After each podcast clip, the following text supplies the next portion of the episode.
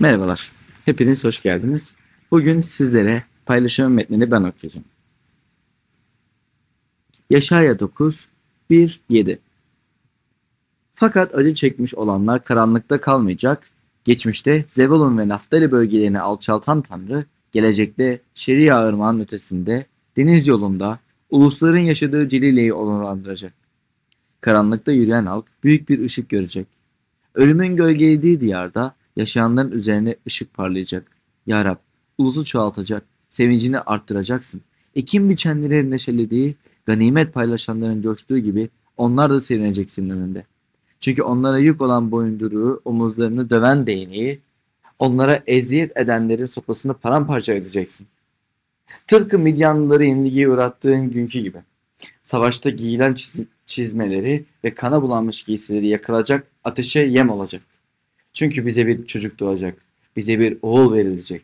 Yönetim onun omuzlarında olacak. Onun adı harika hüccü, güçlü tanrı, ebedi baba, esenlik önderi olacak. Davut'un tahtı ve ülkesi üzerinde egemenlik sürecek. Egemenliğinin esenliğinin büyümesi son bulmayacak. Egemenliğini adaletle, doğrulukla kuracak ve sonsuza dek sürdürecek. Her şeye egemen Rabbin gayreti bunu sağlayacak. Bu Rabbin sözüdür. Amin. Şimdi paylaşımı için Bilgi abiye sözü bırakıyorum. Günaydınlar tekrardan. Ne diyorsunuz? Siz ne cevap verdiniz? Size sokakta bu soru gelseydi. Karanlık nedir? Sizin düşünceleriniz filmde veya klipte buldunuz mu acaba? Bulamadınız. Belki. Yarım. Biraz. Oldu. Biraz bekledik ama e, değdi. Çok güzel bir film klibiydi. Ee, Değerli kardeşimiz Batuhan emeklerine sağ olsun. O yaptı. Bugün yeni bir vaaz serisinden başlıyoruz ve iki tane mum yanıyor. Bir beklenti içindeyiz. Dört tane mumun yanmasını bekliyoruz ve bilmiyorum bir soruyla başlamak istiyorum. Siz çocukken veyahut hayat boyunca süper kahramanları sevdiniz mi hiç? Sevdinizse en çok sevdiğiniz süper kahraman kim? Var mı? Böyle söyleyin.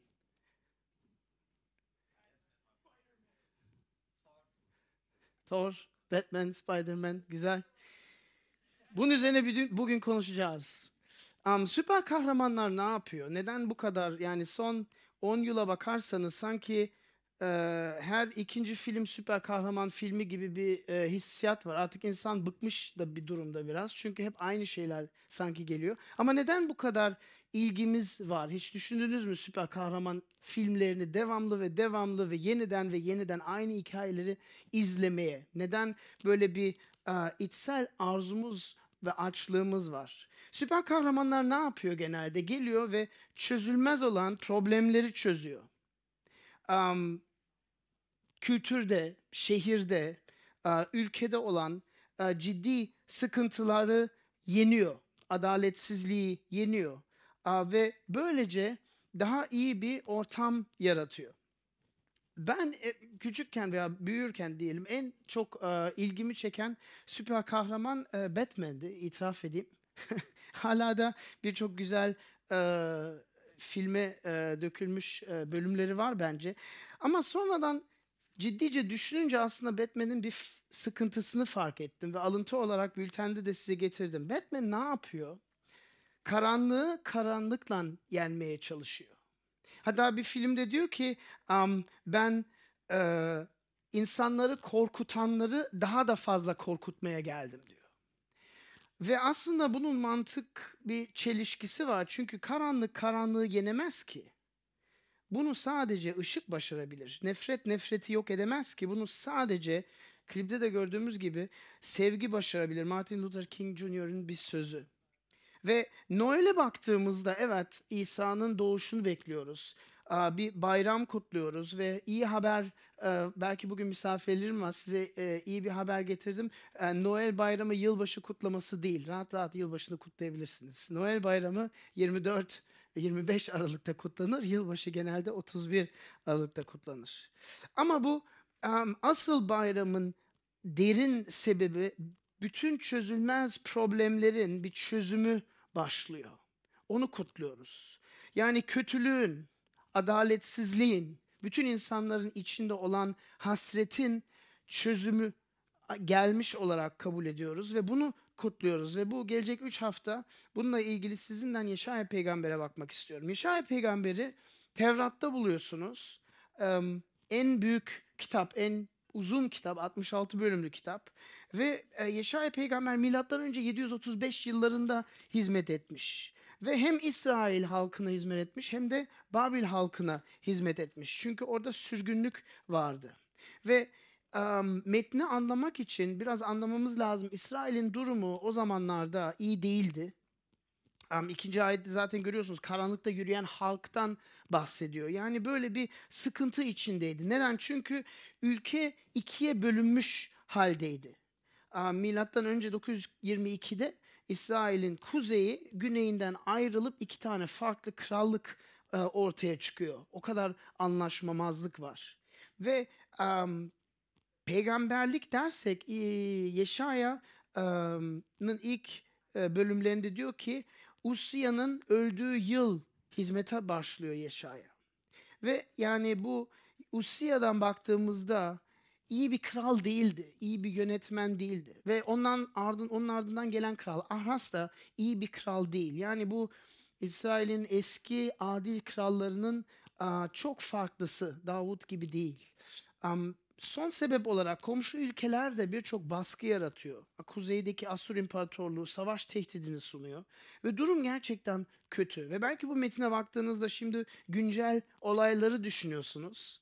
Bugün de bir savaş var. Burada söylemek istediğim şey şu ki bugünkü İsrail ve buradaki kutsal kitaptaki İsrail aynı değil. Biz öyle e, yorumlamıyoruz ve değerlemiyoruz. Hatta derseniz ki Musevi dinlerin bütün hepsi İbrahim'e geri gidiyor derseniz bu çok doğrudur. E, ve Müslümanlar İsmail'i soy, seçilmiş soy olarak kabul ediyor. Yahudiler İshak'ı seçilmiş soy olarak kabul ediyor. Ve birçok insan düşünüyor ki ondan dolayı bütün Hristiyanlar e, mecburi olarak İsrail'i destekliyor. Um, bu biraz basitleşmiş ve doğru olmayan bir iddia. İsrail'in asıl İsrail, asıl vaat edilen oğul İsa. Yani İbrahim'e verilen kehanet sözleri, bütün dünyadaki bütün halkları bereketleyeceksin, bereketleyecek o gelen oğulun bereket sözleri ne İshak'ta ne İsmail'de yerine getirilmiş durumda. Ve onun için e, dememiz gereken o beklenmiş, vaat edilen oğlu İsa'da bekliyoruz ve mumlarımızı yakıyoruz. Um, somut olarak bugün neden bahsedeceğiz? Noel'in anlamından bahsedeceğiz ve dediğim gibi bir süper kahramanı bekliyoruz aslında. Beden alan Tanrı aracılığıyla gelen ve yalnızca lütufle elde edilebilen beklenmedik ve nihayet çözümü ve ışığın gelişini bekliyoruz. Bütün vaaz bunlarla. Bunu üç tane parçaya böldüm sizin için. Birincisi beklenmedik bir sürpriz. Bültenden de takip edebilirsiniz. İkincisi selamet ışığı ve üçüncüsü lütfedilen armağan. Hazırsanız, heyecanlıysanız bakabiliriz. Birinci noktaya girelim. Beklenmedik sürpriz. Um, birinci ayete bakarsanız uh, bültenin dördüncü sayfasında diyor ki fakat acı çekmiş olanlar karanlıkta kalmayacak. Geçmişte Zevulon ve Naftali bölgelerini alçaltan Tanrı gelecekte Şiria Irmağı'nın ötesinde deniz yolunda ulusların yaşadığı Celile'yi onurlandıracak. Um, burada birçok uh, karşıt var. Birçok uh, siyah ve beyaz görüyorsunuz. Yani geçmişte ve gelecekte um, alçaltılmış ve onurlandırılmış. Ve bu um, Yeşaya'nın çağdaş insanlarını çok sürpriz veya şok edecek bir uh, ayet aslında düşünülürse. Çünkü bakın insanların bir varsayımı var. Bir aklımızda bir hirashi var. Yani Tanrı bir şeyler yapacaksa, Allah bir şeyler yapacaksa genelde e, ilahi merkezde başlamaz mı? İlahi karargahta başlamaz mı ki ilahi karargah derken bu Kudüs, Kudüs'tü yani. Yani Allah büyük mucizeler yapacaksa gözümüz nereye bakar? Aslında yani merkeze bakar. Yani Türkiye'den bahsedersek Türkiye'de önemli bir şeyler olacaksa nereye bakarız? İstanbul'a bakarız. İzmir'e bakarız ve Ankara'ya bakarız. İzmir'e bakarız ama e, Eskişehir'e bakmayız. Veya Gömeç ki Gömeç çok güzel bir yer yanlış anlamayın. Bakmayız. Um, of biz Karadeniz'e gittik. Çok güzel yerler ama Of'a bakmayız. Bizim beklentimiz Tanrı büyük bir şeyler yapacaksa bunu merkezde yapması lazım. Ve yani garip mahallelerde, varoşlarda değil. Ve burada haritaya baktığınızda ki milattan önce 700 yıllarından bahsediyorum. Harika, har- har- haritaya baktığınızda Zevulon ve Naftali İsrail'in 12 oymağın kuzeyindeydi. İkisi de birisi böyle birisi böyle ve Celil'e Gölü de var. İsa orada çok hizmet etti. Celile Gölü de orada, kuzeyde. Kudüs tamamen altta kalıyor bu arada. Yani bakın prestijli mahalleler değildi. Önemli mahalleler, merkezler değildi. Kudüs değildi. Hatta bu ayette bir eleştiri var. Duyuyor musunuz bilmiyorum. Ne, ne diyor burada? Ulusların yaşadığı Celile'yi onurlandıracak diyor. Ben size bunu biraz güncel Türkçe'ye tercüme edeyim. Gavurların yaşadığı Celile'de onurlandıracak. Yani bir Türk kulağı için böyle okumanız lazım. Yani uluslar demek Yahudi olmayanlar demek. Biz onlar gibi inanmayan demek. Yani bu bir Yahudi peygamberi sonuçta. Ve onlar onurlandırılacak. Bu çok şok edici bir şey. Yani parantez içinde diyorum doğru inananlar değil, inanmayanlar onurlandıracak. Bu nasıl bir şey? Bu çok garip bir şey değil mi? Ve Yaşaya ilk ayetlerin böyle bir bomba patlatıyor. Kurtuluş, problemlerin çözümü, gavurların yaşadığı Cille'de olacak. Azizlerin yaşadığı Kudüs'te değil. Çok bir iddia, sürpriz bir iddia. Yani buradaki prensip nedir derseniz bir tanrı varsa, bir Allah varsa insan kalıbın dışında hareket ediyor. Bizim kafa düzenimizin dışında hareket ediyor. Bizim kafa hiyerarşimizin e, uyumunu sağlamayarak hareket ediyor. Beklediğimiz yerlerde harekete geçmiyor. İstanbul'da, Ankara'da politik gücün merkezinde, kültürün güç merkezinde, ekonomik güç merkezinde hareket etmiyor. Belki Of'ta veya Gömeç'te veya Eskişehir'de hareket ediyor. Yeni Antlaşmaya baktığınızda İsa 12 tane talebelerini toplarken birisi bunu hatta ifade ediyor. Petrus gidiyor diyor ya biz Mesih'i bulduk diyor. Ee, ya Petrus değil ama Nathanael'e gidiyorlar ve Nathanael ağacın altında oturuyor ve diyor ki ne, ne kimi buldunuz ne iddia ne iddia filan ondan sonra ne diyor? Nazira'dan gelen Mesih'i bulduk, peygamberi bulduk filan. O da ne diyor biliyor musunuz? Nazira'dan iyi bir şey çıkabilir mi ki diyor. Nazira Ce Celil'in orada. Oradan iyi bir şey çıkabilir mi? Yani varsayım bu. Ve burada Tanrı'nın alt üst prensibi var. Alçaltılmışları onurlandırıyor. Onurlu olanları alçaltıyor. Ki düşünseniz bunu milattan önce 700 yıllarında yazıyor Yeşaya. İnsanlık bu prensibi anlamış olsa bugün birçok savaş olmaz. Birçok varsayımlar olmaz, birçok iddialar olmaz. Bakın İsa'ya baktığınızda İsa konforlu, zengin ve bir saraylar içinde, servet içinde krallığını kabul etmiyor. Nerede doğuyor? Fakirlik içinde doğuyor. Ahırda doğuyor. Bir evin içerisinde bile doğmuyor. Çobanların yanında besinin içinde besleniyor. Bu sizi biraz şok etmiyor mu? Yani bir süper kahramanın gelişine benziyor mu bu sizce?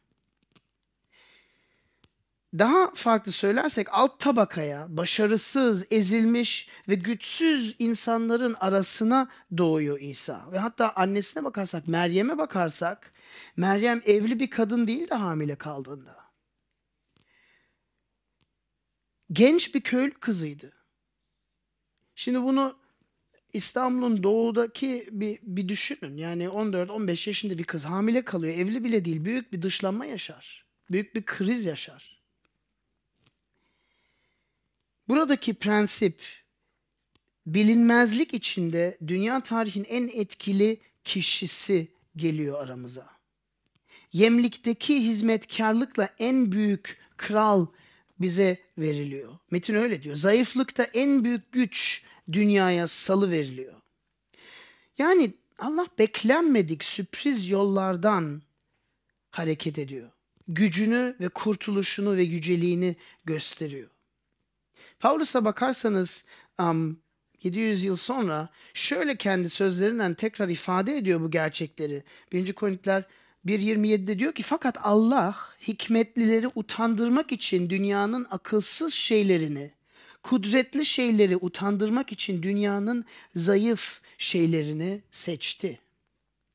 Tanrı'nın bir alt üst prensibi var. Burada beklenmedik bir sürpriz var. Allah harekete geçiyor ama beklediğimiz, baktığımız yerde harekete geçmiyor. Göremediğimiz yerlerde harekette geçiyor. Belki kendi hayatınızda da böyledir. Belki kendi hayatınızda odak noktanız şuradadır diyorsun. Neden yapmıyorsun?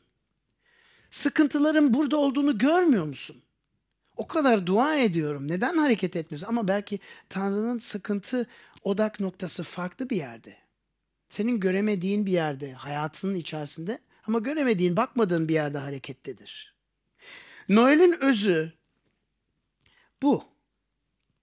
İstanbul'dan bahsedersek, İstanbul'a gelen insanlar genelde parlak bir özgeçmişle gelmeyi gayret ediyorlar.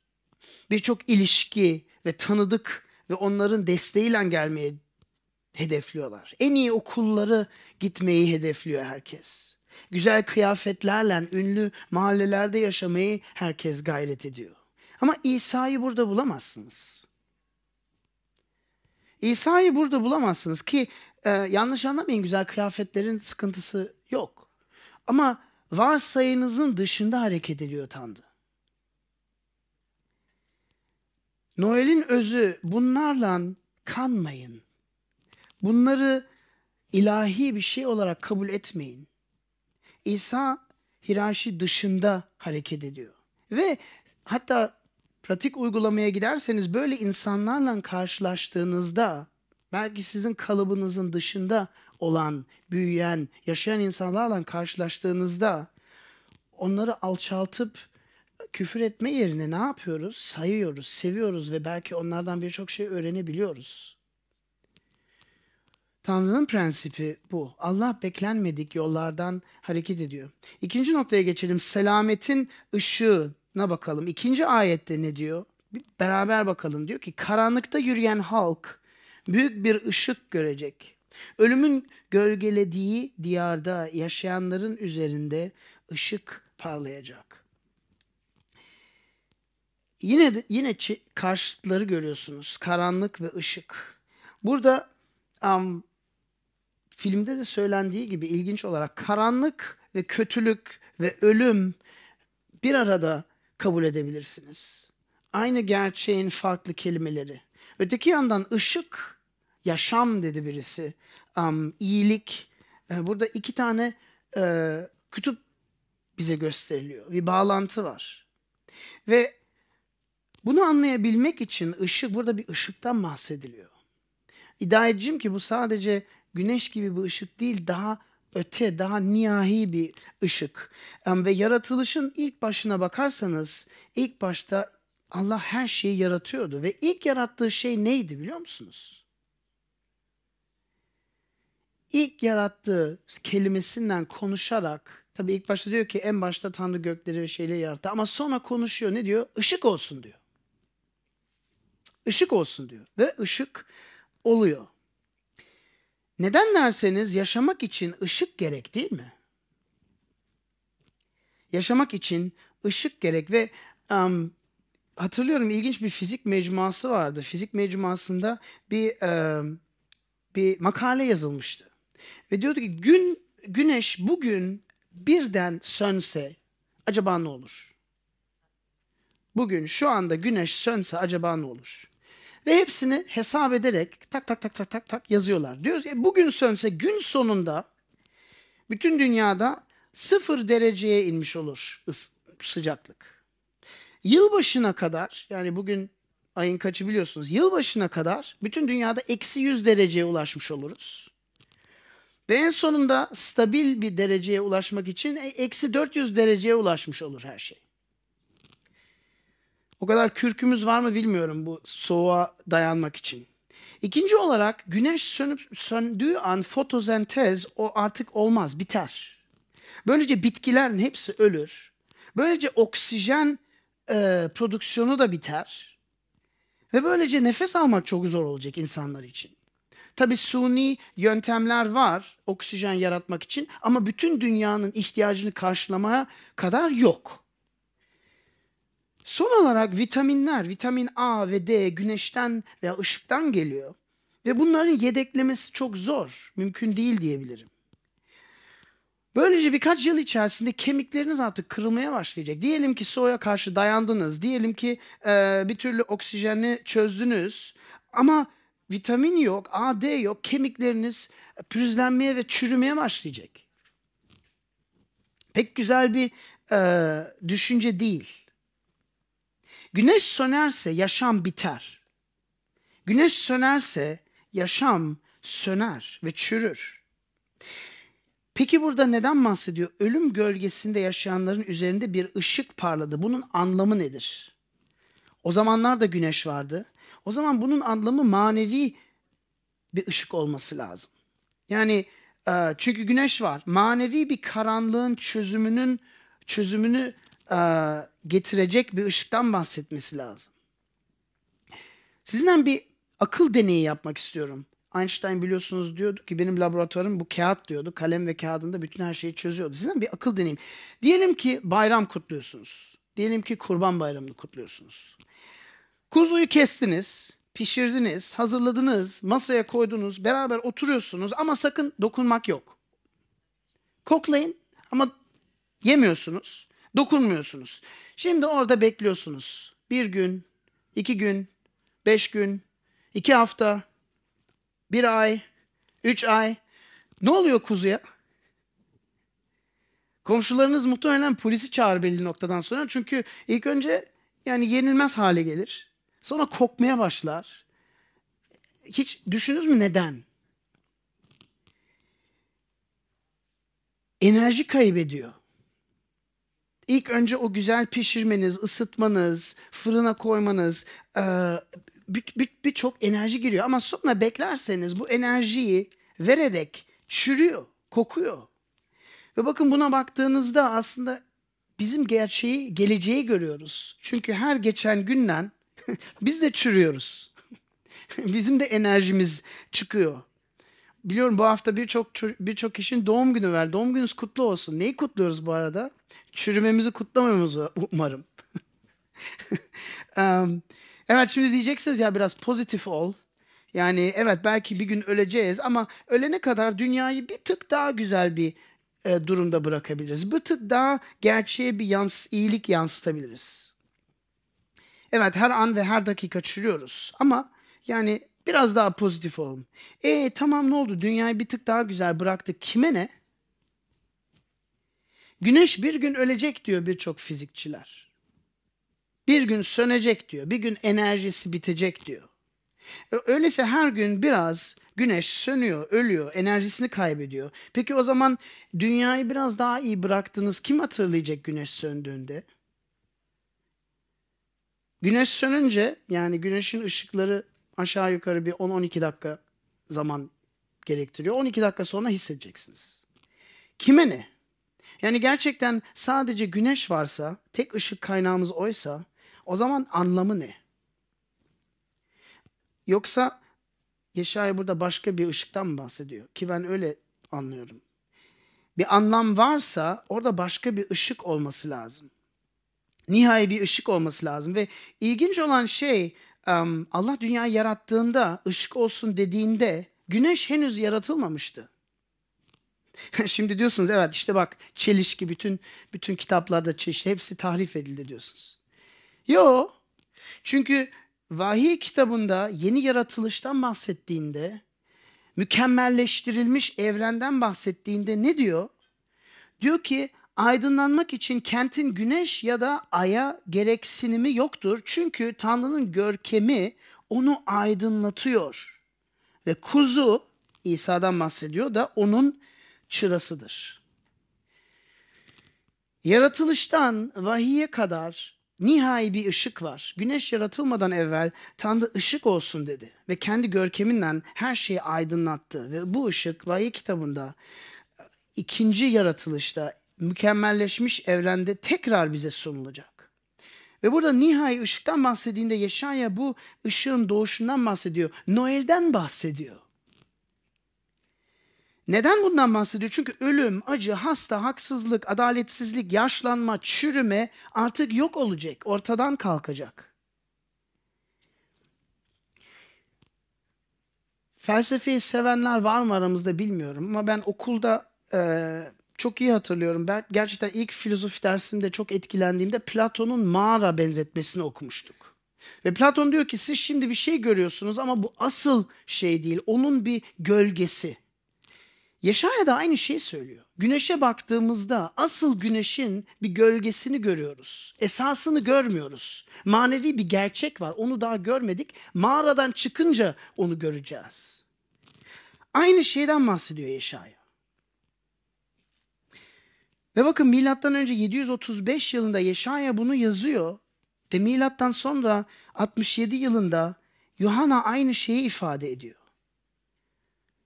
Vahiy kitabını Yohana yazdı. Muhtemelen 67 yıllarında yazdı.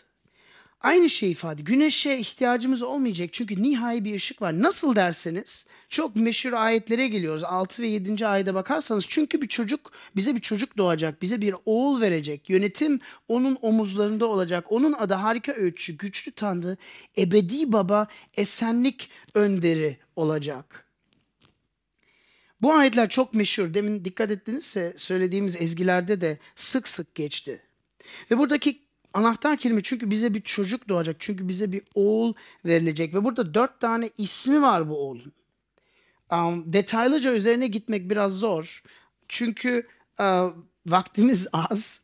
Um, ama 2019 yılında daha bu ayetlere odaklı uh, bir konuşma yapmıştık. Onu izleyebilirsiniz iz- internetten.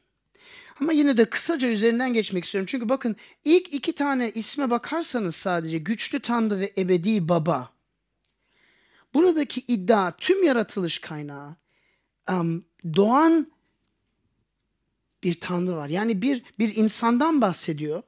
Çünkü bir oğul doğacak diyor ama aynı zamanda güçlü Tanrı diyor. Yani doğan oğul güçlü Tanrı diyor.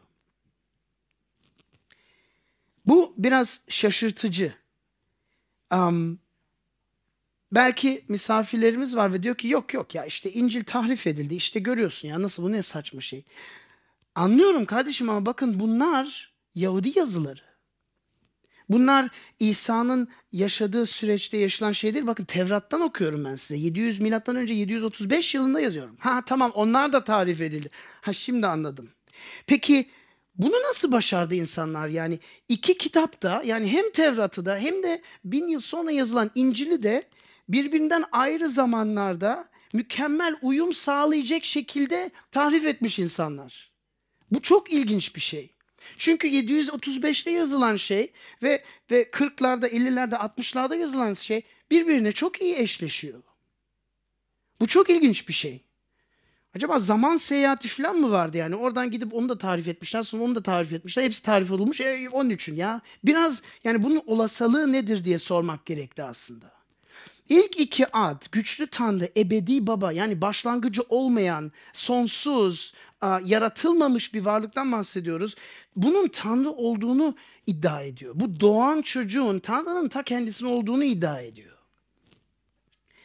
Üçüncü isim esenlik önderi diyor. Yani esenlik nedir? Yani sağlık, şifa önderi, şifa önderidir diyor. Yani bu sadece bir maneviyat değil, sadece bir hayal e, oyunu değil. Bu gerçekten maddi evrene bir etkisi var. İddia budur. Yani barış, iyileşme, gerçek problemlerin çözülmesi, karanlığı yenmesi. İlk başta söylediğimiz gibi bir süper kahraman bekliyoruz aslında. Acıların iyiye çevrilmesi ve bitmesi. Ve dördüncü adı harika öğütçü. Yani birçok insan biliyorum 21. yüzyılda koçluk yapıyor, koçluk alıyor veya mentörlük yapıyor, para veriyor. Yani hayatındaki zorlukla cebelleşmek için veya bir danışmanlığa gidiyorsunuz.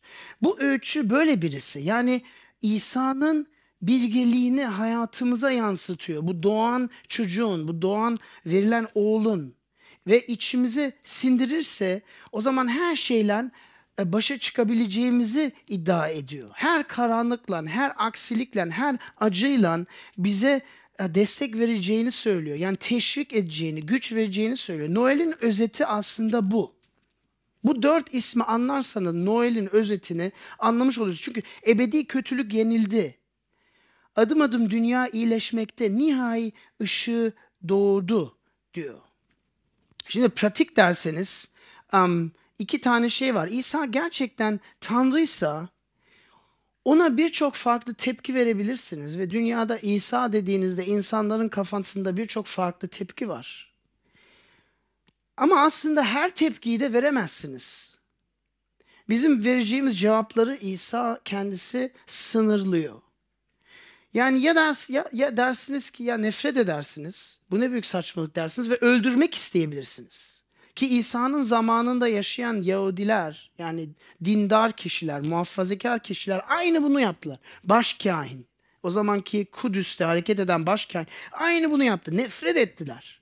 Ya yine bir mucize yaptı. Ya bunu nasıl öldürebiliriz? Bütün ortalığı karıştırıyor. bizim bizim gücümüzü yitiriyor. Bundan nasıl bunu nasıl öldürebiliriz? İkinci tepki korku verip kaç korku yani korkup kaçabilirsiniz. Ya ihmal edebilirsiniz. Bunu Romalılarda görüyoruz. İsa çarmıha doğru yargılandığında Pilatus vardı. Pilatus bunu yapıyor. Pilatus'un karısı bir rüya görüyor. Diyor ki bu adil adamdan dolayı ben bütün gece uyuyamadım. Sakın onunla muhatap olma. Ondan uzak dur. Korkup kaçmak, uzaklaşmak. Veyahut diş çöküp tapabilirsiniz ve Petrus bunu yapıyor. Diyor ki benden uzak çünkü ben günahkar ve layık olmayan bir insanım diyor. Bize üç tane seçenek veriyor. Siz hangi seçeneği seçiyorsunuz? Ama bakın şu seçeneği bize vermiyor. Ha ilham verici bir hoca, Buda gibi, Muhammed gibi. Bize bir örnek. Bu seçeneği vermiyor size.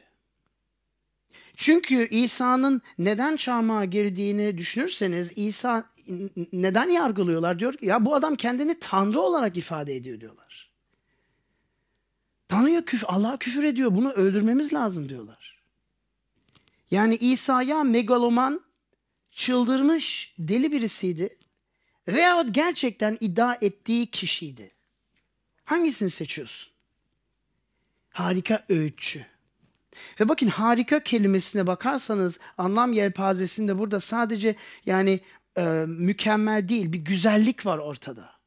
Birçok defa din üzerine düşündüğümüzde işte zorla itaat edeceksin, emirlerini yerine getireceksin, istemezsen de yapacaksın. Hayır burada bir güzellik var.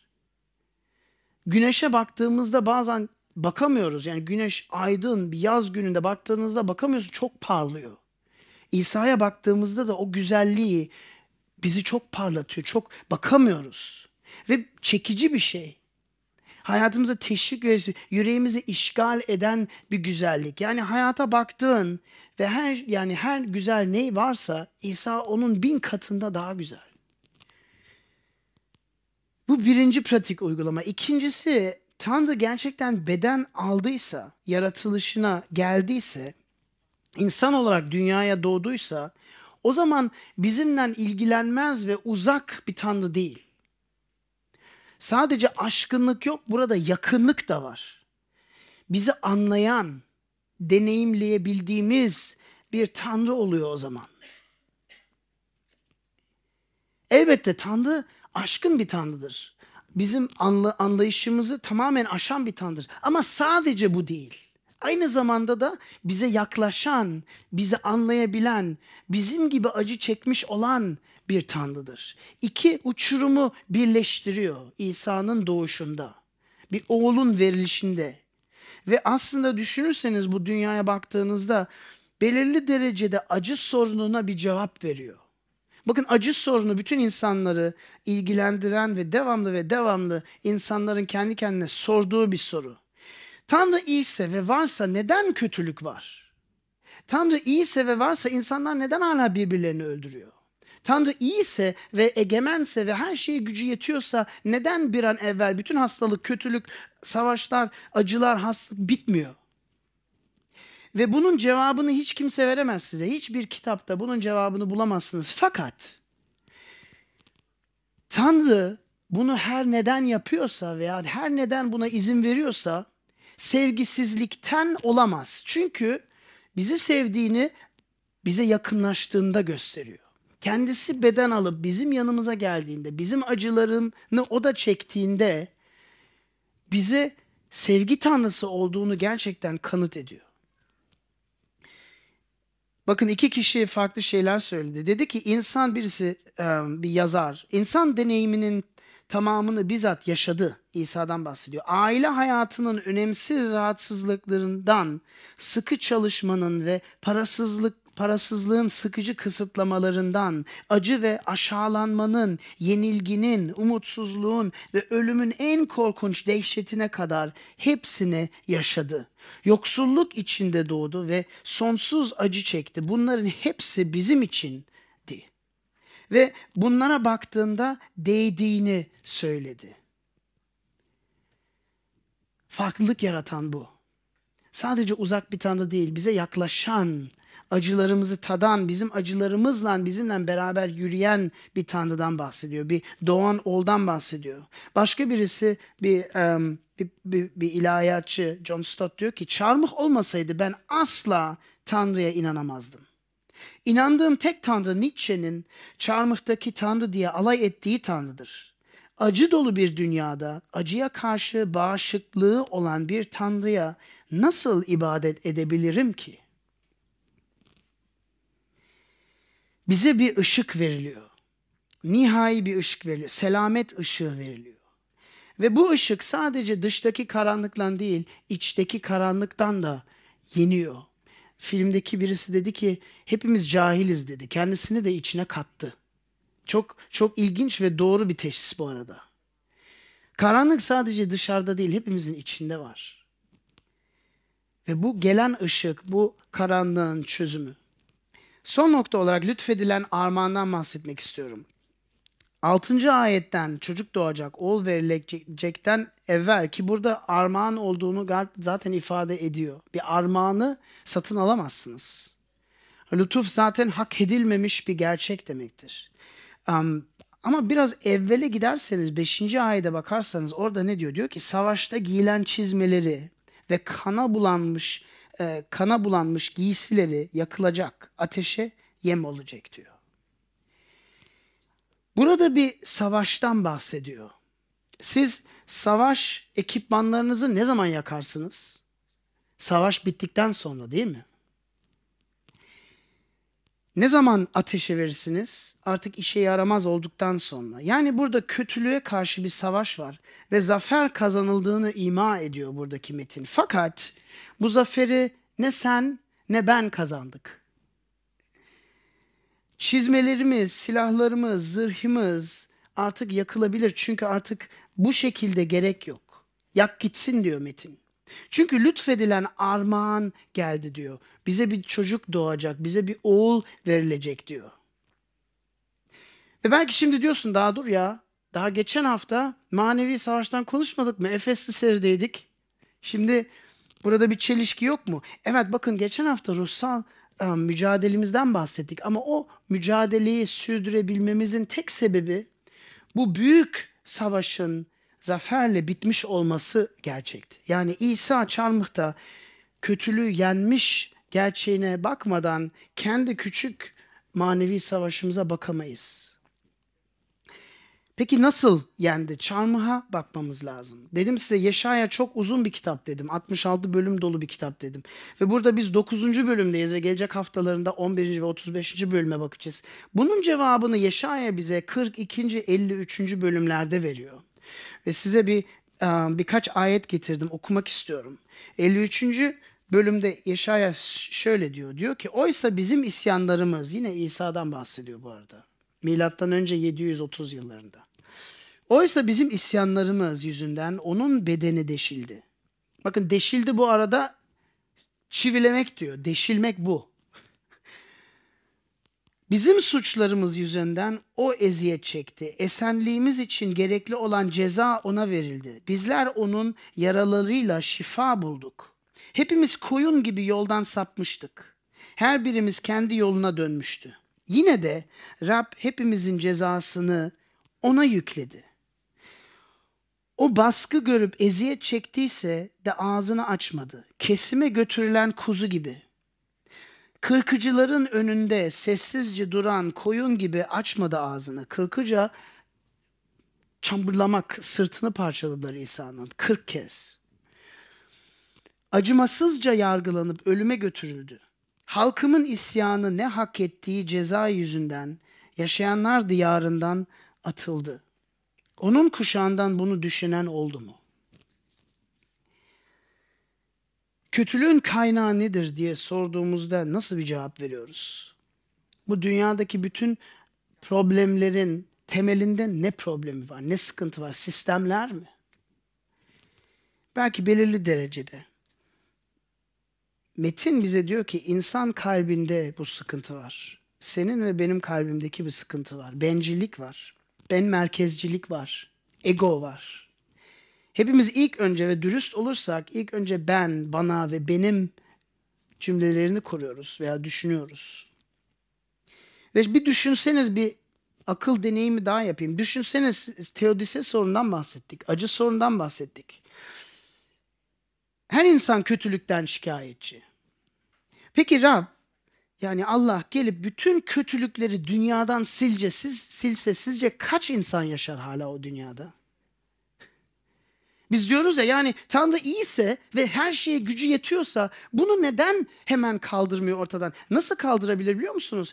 Sıfır insan yaşarsa kaldırabilir. Senin ve benim yüreğimdeki kötülüğü silmek için, yargılamak için gelse dünyadaki 8 milyar insandan bir tek bile nefeste kalmaz. Problem bu zaten. Geçen haftaki baktığımız metinde e, Şolzitsi'nin bir alıntısına baktık. Gulaglarda yıllar boyunca haksız yerine hizmet etmiş. Dedi ki kötülük ve iyilik sınırı her insan kalbinin ortasından geçiyor dedik. Keşke o kadar basit olsa kötüleri iyilerden ayırsak dedi. Ama kim kendi kalbini ikiye yarımak, yarıymak ister dedi. Bundan dolayı bundan dolayı İsa'nın gelmesi zayıflık içinde. Tanrı insan bedeni alıp geliyor. Kuzu olarak bütün günahını üzerine, günahlarımızı üzerine alıyor. Çarmıha geriliyor. Bizim hak ettiğimiz cezayı o üstleniyor. Yeşaya bundan bahsediyor. Kefaret, kurtuluş ve zaferden bahsediyor ama alt üst prensipine dayalı bir kefaretten bahsediyor. Nasıl yeniyor İsa? Yenilerek zafer kazanıyor. Ve bunu elde etmenin tem, tek yolu bu armağanı kabul etmek. Bakın bunu pratik bir yönteme sokarsanız, buna gerçekten inanmak ne demek derseniz, buna gerçekten inanmak kibirine ve gururuna ölmek demektir. Marx zamanında ne dedi? Dedi ki din halkın afyonudur dedi ve gerçekten haklıydı. Çünkü ben doğruya inanıyorum iddia ettiğimde çok büyük bir tehlike içindeyim benim gibi inanmayan insanları yargılama tehlike içindeyim. Dışlama, dış, o insanları dışlamaya tehlikesi, ayrımcılık yapma tehlikesindeyim. Ama senin inancın bir armağansa ve hiçbir şey, kendin hiçbir şey yapmadıysan o zaman gurur duymak veya kibirli olmak sadece mantıksız değil, saçma sapan bir şey.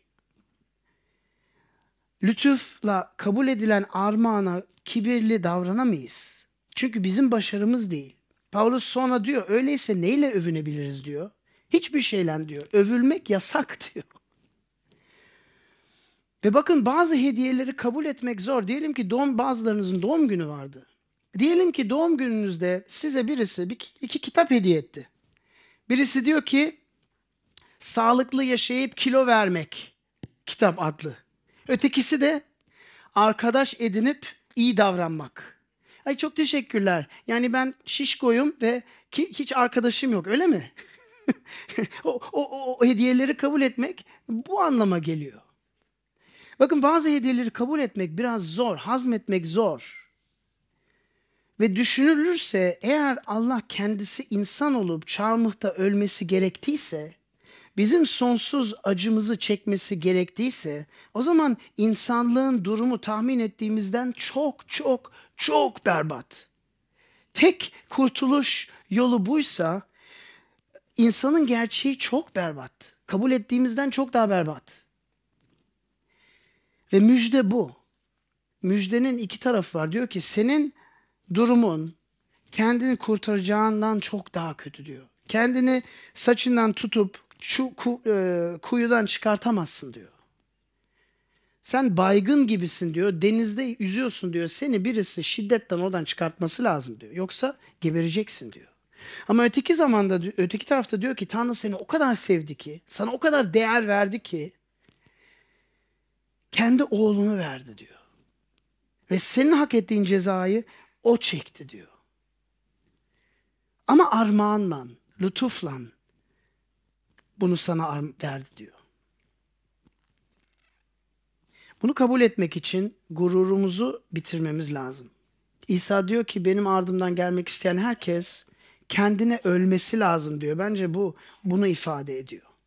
Ve bu pek hoş gelmiyor kulağa ama bakın bunu yap, yaptığınız takdirde hayatınıza aşırı bir huzur geliyor. Bunu yaptığınız takdirde hayatınıza bir neşe, bir coşku, bir güç geliyor. Bir dünyanın kötülüklerinden, içimizdeki kötülüklerle mücadele edebilme gücünü veriyor ve umut geliyor hayatımıza. Böyle bir şey istiyor musunuz? Belki yanıt zamanında dua etmemizi istersiniz. Birazdan ben e, arkada birkaç kardeş olacak sizin için dua etmek için. Um, sizin için dua etmek istiyoruz. Belki bunlar um, içinize sinmesi için, um, hayatınızdaki gördüğünüz sıkıntılardan bir çözüm yolu aradığınız için geldiniz. O zaman bunun üzerine düşünün. Dua edelim. Rabbim sen bize bu metni verdin. Yüzyıllar evvel verdin bu metni. Um, ve bize bir oğul doğacak, bir çocuk verilecek diyorsun ve um, biz sana minnettarız. Kendimizi kurtaramadığımızdan dolayı sen kendin geldin. Fakirlikte, güçsüzlükte geldin. Ve bütün acıları çektin. İsa Mesih adına amin.